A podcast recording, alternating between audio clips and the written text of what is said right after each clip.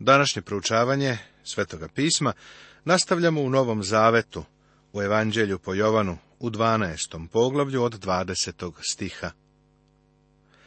Isus dolazi Grcima. A među onima što su išli gore da se pomole Bogu, o prazniku behu i neki Grci. Ovi priđoše Filipu, koji je bio iz Vicaide Galilejske, te ga moljahu govoreći, Gospodine, želimo da vidimo Isusa. Filip ode i reče Andreji.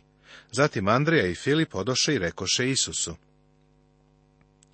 Isus je očigledno otišao u hram.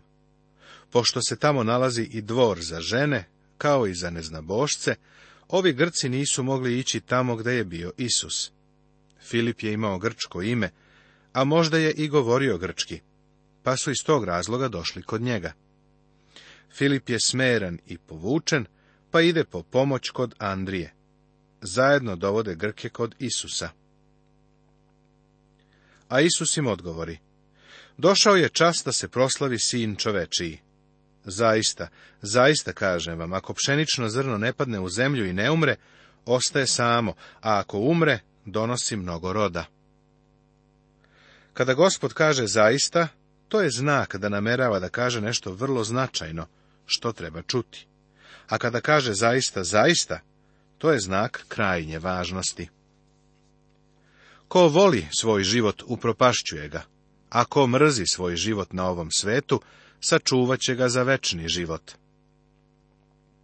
Isus im odgovori, mislim da to o njima podrazumeva i učenike i Grke.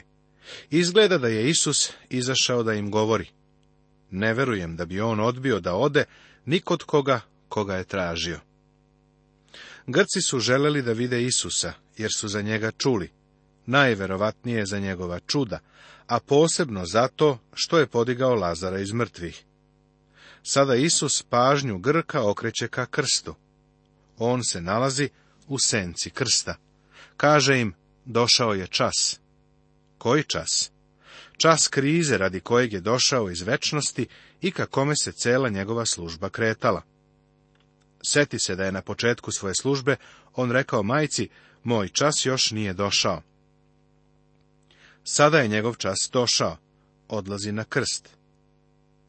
Njegova zamisao krsta je potpuno drugačija od one koju je imao rimski narod.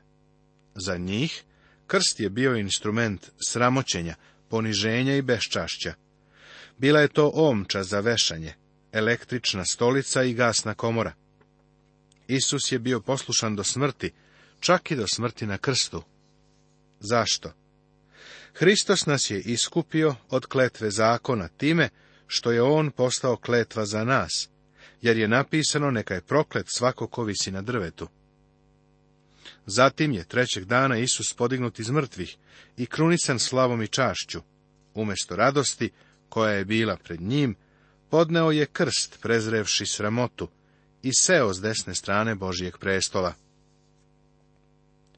Na tom krstu se videla slava Božija.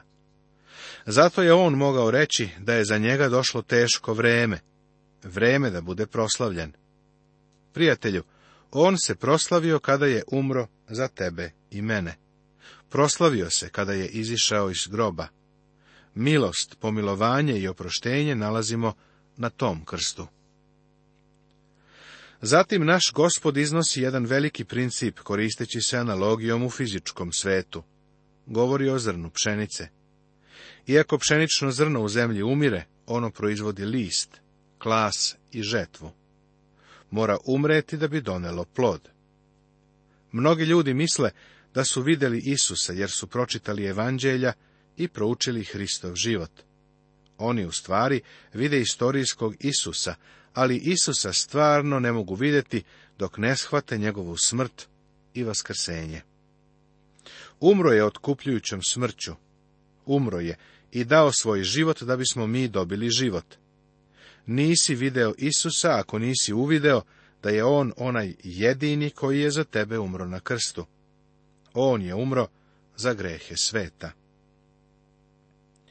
Ovo je vrlo neobično reći Grcima koji su došli kod Isusa on im govori da postoji još nešto osim tog fizičkog posmatranja. Za njih je važno da vide da će on umreti. Stavit će ga u grob. Kada pšenično zrno umre, izaziva život. Isus je umro, ali je ponovo ustao. Važno je uvideti tu istinu. Zatim Isus nastavlja i Grcima objašnjava jednu veliku istinu. Postoje dve vrste života koje su ovde upoređene postoji ono što nazivamo psihološkim ili psihičkim životom, životom psihe. To je život koji uživa u stvarima ovoga sveta i pronalazi zadovoljstvo kroz zadovoljenje čula. To je ona vrsta života u kojoj se ovdje govori. Onaj ko voli svoj život, ovo se odnosi na fizički život koji ovdje živimo. Ti stvarno možeš da živiš ovaj život, da piješ, da se drogiraš, da lumpuješ, ali znaš li šta će se stvarno desiti? Jednoga dana ćeš umreti. Sve ovo ćeš izgubiti. Žao mi je, prijatelju, ali sve to ćeš izgubiti. Čuo sam za jednog senzacionalnog propovednika u Teksasu u Americi, koga su zamolili da propoveda na sahrani nekog bogataša iz tog grada, koji je bio član crkve, ali je prekršio svaki božiji i ljudski zakon i živeo je u grehu i pijanstvu. Ovo se desilo u naftnoj oblasi Teksasa. Mnogo bogataša je došlo, velika masa, jet set. Ovaj propovednik je uradio nešto što ja ne bih mogao, a što bi verovatno trebalo, a što ipak nikada nisam uradio. Propovedao je na groblju poruku evanđelja. Zatim je sišao do kovčega i počeo da prohpoveda o tome šta će greh uraditi čoveku i kako će ga na kraju poslati u pakao. Narodu je počelo da biva neprijatno. Zatim, kada ih je pozvao da se posljednji put pozdrave sa preminulim, rekao je, njegov život je prošlost, odživeo ga je, gotovo je, prezrao je Boga i Isusu Hristu okrenuo leđa. Zatim je pogledao ka okupljenom narodu i rekao, Ovako će svako od vas završiti ukoliko se ne obratite ka Isusu Hristu. Pa prijatelju, ovo je vrlo jasno, možda i previše jasno. Ovako bi trebalo da govorimo, to kaže gospod. Onaj ko voli svoj život, izgubit će ga. To znači, ako si predat samo uživanju života ovde dole, taj život ćeš izgubiti. Zatim gospod navodi poređenje. Ako mrzi svoj život na ovom svetu, sačuvat će ga za večni život. To znači da ako ne živiš za ovaj svet, niti za ono što je od ovoga sveta, onda si na putu ka večnom životu. A odakle dolazi večni život? Dolazi kroz smrt onog pšeničnog zrna koje je palo na tlo i ponovo ustalo od Isusa Hrista. Zato svoj život možeš da sačuvaš i ovo je jedini način na koji to možeš učiniti. Ako ko meni služi, neka ide za mnom i gde sam ja, onda će biti i moj služitelj. Ako ko meni služi, njega će poštovati otac. On im kaže da ga slede, a on je na putu prema krstu.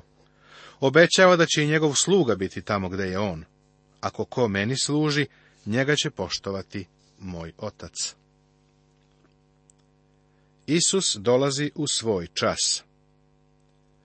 Moja duša je sad uznemirena i šta da kažem? Oče, izbavi me od ovoga časa. Ne, zbog ovoga sam došao do ovoga časa.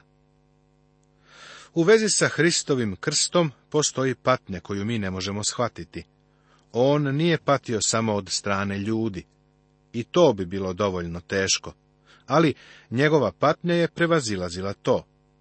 Na njega je bio položen tvoj i moj greh. Tamo na krstu bio je bolnik i vičan bolestima, piše prorok Isaije u 53. poglavlju. Poneo je grehe sveta, a ne svoj greh. A on bolesti naše nosi i nemoći naše uze nase. Na njega je stavljen naš greh on je za nas učinjen grehom. Ne u nekom akademskom smislu, on je zaista za nas učinjen grehom. Ali gospodu bi volja da ga bije i dade ga na muke, da položi dušu svoju u prinos za greh. Iako je bio svet i neukaljan i odvojen od grešnika, ipak je bio učinjen grehom radi mene i tebe. Ovo je pokrenulo patnju koju mi ne možemo shvatiti. Niko od otkupljenih nikada nije saznao koliko je duboke vode prošao ili kroz kakvu je mračnu noć gospod išao da bi izgubljenu ovcu pronašao. Poema 99 Elizabete Klefan Njegova duša je bila užasnuta. Pred krstom je bio prestravljen. Pa ipak, na ovaj svet je došao baš da bi otišao na taj krst i da bi podneo njegovu sramotu. Na krstu je bila i slava, ozdravljenje. O tome bi trebalo više da razmišljamo i više da mu zahvaljujemo. Pavle kaže, a ja sam daleko od toga da se hvalim čim drugim, sem krstom gospoda našega, Isusa Hrista, kojim je svet za mene raspet i ja za svet. Uviđaš li kako je ovo povezano sa dva prethodna stiha? Gospod se suočava sa najvećom žrtvom, ubrzo će svoj život položiti kao otkup za ljude a ovaj izazov iznosi pred one koji ga slede. Ko mrzi svoj život na ovom svetu, sačuvat će ga za večni život. Ako ko meni služi, neka ide za mnom. Na osnovu toga kako neko živi možeš vidjeti gde neko ide. Neko će reći, mislio sam da se spasavamo verom. Uvek više naglašavaš veru nego dela. Tačno, svakako to radim. Ako želiš da budeš spasen, morat ćeš da se pouzdaš u Hrista. Poveruj u gospoda Isusa, pa ćeš biti spasen. Ali želim da kažem da ako se stvarno pouzdaš u Hrista, onda će to izmeniti tvoj život. Ako ta vera i pouzdanje ne promene tvoj život, onda tog pouzdanja praktično nema. Kada vidim hrišćanina koji sve što ima ulaže u luksuzan život na ovoj zemlji, pitam se kako će čekati da gospod dođe i kako će se tom dolasku nadati i radovati. Onaj ko voli svoj život, izgubit će ga. Obrati pažnju na to kako je ovo povezano sa onim što Isus govori. Ako ko meni služi, neka ide za mnom, i gde sam ja, onda će biti i moj služitelj. Ako ko meni služi, njega će poštovati otac. Ne radi se o tome da gospod ide sa nama, nego o tome da mi treba da budemo tamo gde je gospod. Jedan čovjek mi je rekao, pa znaš, ja jesam član jedne liberalne crkve, ali gospoda vodim sa sobom. Prijatelj, imam novosti za tebe, gospod tamo ne ide u crkvu. Gospod ne ide tamo kuda ideš ti. Ti moraš ići tamo gde je gospod. Naše spasenje nije jeftino. Ovaj čas je odbojan našem gospodu. Da je bilo moguće, on bi više voleo da ga je otac poštedeo toga časa i tog užasa, da bude učinjen grehom, iako je Isus znao da je baš iz tog razloga došao na svet. Zatim on kaže, Oče, proslavi svoje ime. Oče, proslavi svoje ime.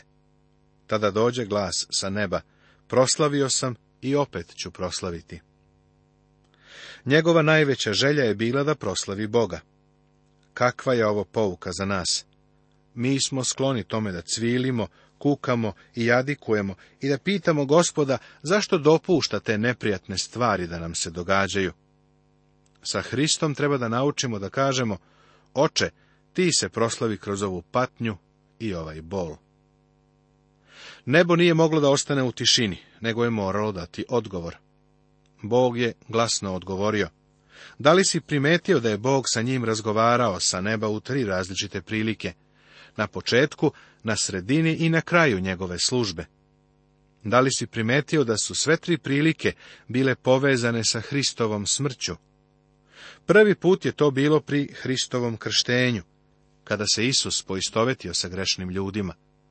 Drugi put se to desilo u toku njegovog preobraženja, kada su Mojsije, Ilija i Gospod Isus razgovarali o njegovoj smrti koja će se odigrati u Jerusalimu. Ovaj treći put, na kraju svoje službe, gospod govori o svojoj smrti jer je njegov čas došao. A narod koji je stajao i čuo reče, grom je zagrmeo, drugi rekoše, anđeo mu je govorio. Isus odgovori i reče, ovaj glas se nije čuo radi mene, nego radi vas. Ko je bio u pravu? Niko. Nije mu govorio anđeo, nego njegov otac. Jedna grupa ljudi je verovala da je u pitanju nešto nadprirodno. Znali su da je to jasan govor. Poznavali su službu anđela u Starom Zavetu, pa su mislili da Božije poruke ljudima uopšteno dolaze preko anđela gospodnjeg. Međutim, nisu shvatili da je anđeo gospodnji bio preinkarnirani, preutelovljeni Hristos ali uvidjeli su i shvatili da je glas sa neba preneo poruku od Boga. Druga grupa je rekla da je grmelo. Dali su prirodno objašnjenje. Ovo je ista reakcija koju imaju mnogi ljudi danas. Oni kažu da je Božja reč puna grešaka i da čuda koja su zapisana ne mogu biti tačna. Pošto ne veruju u njih, oni prosto kažu da je grmelo.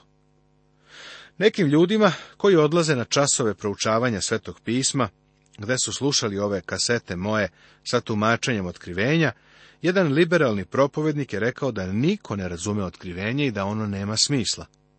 Ovim je tako otkrio svoje neznanje, jer je knjiga otkrivenja vrlo logična knjiga i verovatno najsistematičnija knjiga u Bibliji. Ali vidiš, za njega samo je grmelo, samo je čuo neku buku u daljini. Božja reč kaže da je Hristovo rođenje bilo nadprirodno. Njegov život je bio ispunjen čudima, a njegova smrt je bila kao pšenično zrno. On nije ostao u zemlji, izašao je kao pšenično zrno. Liberal koji je rekao, Isusove kosti počivaju negdje ispod sirijskog neba ima problem. Gde su te kosti? Hristovo vaskrsenje nije bilo duhovno, već stvarno. Njegovo telo je bilo podignuto, njegove kosti nisu nigde na zemlji. Ipak ovo je ista stara šala koja se stalno ponavlja. Grmelo je, grmelo je negde u daljini. Kazati ovo uopšte nije obeležje inteligencije. Potrebno nam je duhovno zapažanje i razumevanje da bismo čuli i saznali i videli Božiju reč. Treba da uvidimo da nas duh Božiji mora osvetliti kada prilazimo reči. Sada je sud ovome svetu. Sad će vladar ovoga sveta biti izbačen napolje, a ja ću, kad budem podignut sa zemlje, privući sve k sebi. Ovo je pak rekao da pokaže kakvom će smrću umreti. Hristova smrt na krstu je bila sud svetu i sud knezu ovoga sveta. To je jedna od onih stvari o kojima će sveti duh svedočiti, i to na osnovu teksta u Jovanu u 16. poglavlju živimo u osuđenom svetu. Isus je došao da umre smrću koja će osuditi grehe sveta. Ako svet ovo ne prihvati, svet je osuđen. Kako će biti izbačen Sotona vladar sveta? Verujem da se to čini postepeno. Kada je Hristos umro na krstu, verujem da Sotona nije shvatio šta se događa. Ono što je on smatrao porazom, postalo je pobeda. Izgubio je bitku na krstu i to je razlog zbog kojeg gospod može reći da je vladar ovoga sveta izbačen. Zatim u knjizi Otkrivenja u 12. poglavlju piše da će Sotona biti zbačen sa neba, a to je drugi stadijum. Potom u Otkrivenju u 20. poglavlju piše da će biti bačen u ognjeno jezero. Ovo je posljednji stadijum njegovog poraza. Na krstu je njegova sudbina zapečaćena. Krst obeležava Hristovu pobedu i Sotonin poraz. Isus ističe svoju otkupljujuću smrt. Njegova smrt će ljude privući k njemu. Oni koji veruju bit će spaseni, oni koji ga odbace bit će izgubljeni. Razmisli samo koliko je važno izdići Isusa pred ljudima i istaći njegovu otkupljujuću smrt. Pored crkve danas prolazi mnoštvo ljudi koji ne slušaju reč. Pomisli samo na radnike, studente, uniformisana lica, lepo obučene, bogate ljude. Oni ne čuju Isusa. Raspeti gospod u današnjim crkvama nije uzdignut. Prijatelju treba propovedati evanđelje, a evanđelje govori o raspetom Hristu. Tada mu narod odgovori, mi smo čuli iz zakona da Hristos ostaje do veka. kako ti kažeš da treba podići sina čovečijeg? Ko je taj sin čovečiji? Mnoštvo je stvarno zbunjeno. Kažu, kada Hristos dođe, zauvek će vladati, a ti sad kažeš da ne ostaješ, nego da ćeš umreti. Prosto nisu razumeli. Šta nije bilo u redu? Na to im Isus reče, još malo vremena je svetlost među vama. Hodajte dok imate svetlosti da vas mrak ne obuzme. Ko ide po mraku ne zna kud ide. Dok imate svetlosti, verujte u svetlost da budete sinovi svetlosti. Isus to reče, pa ode i sakri se od njih. Isus se sada povlači i ovim se završava njegova javna služba. Nikada više se neće javno pojaviti, sve dok ne dođe na ovu zemlju, da uspostavi svoje carstvo. Nastavit će se.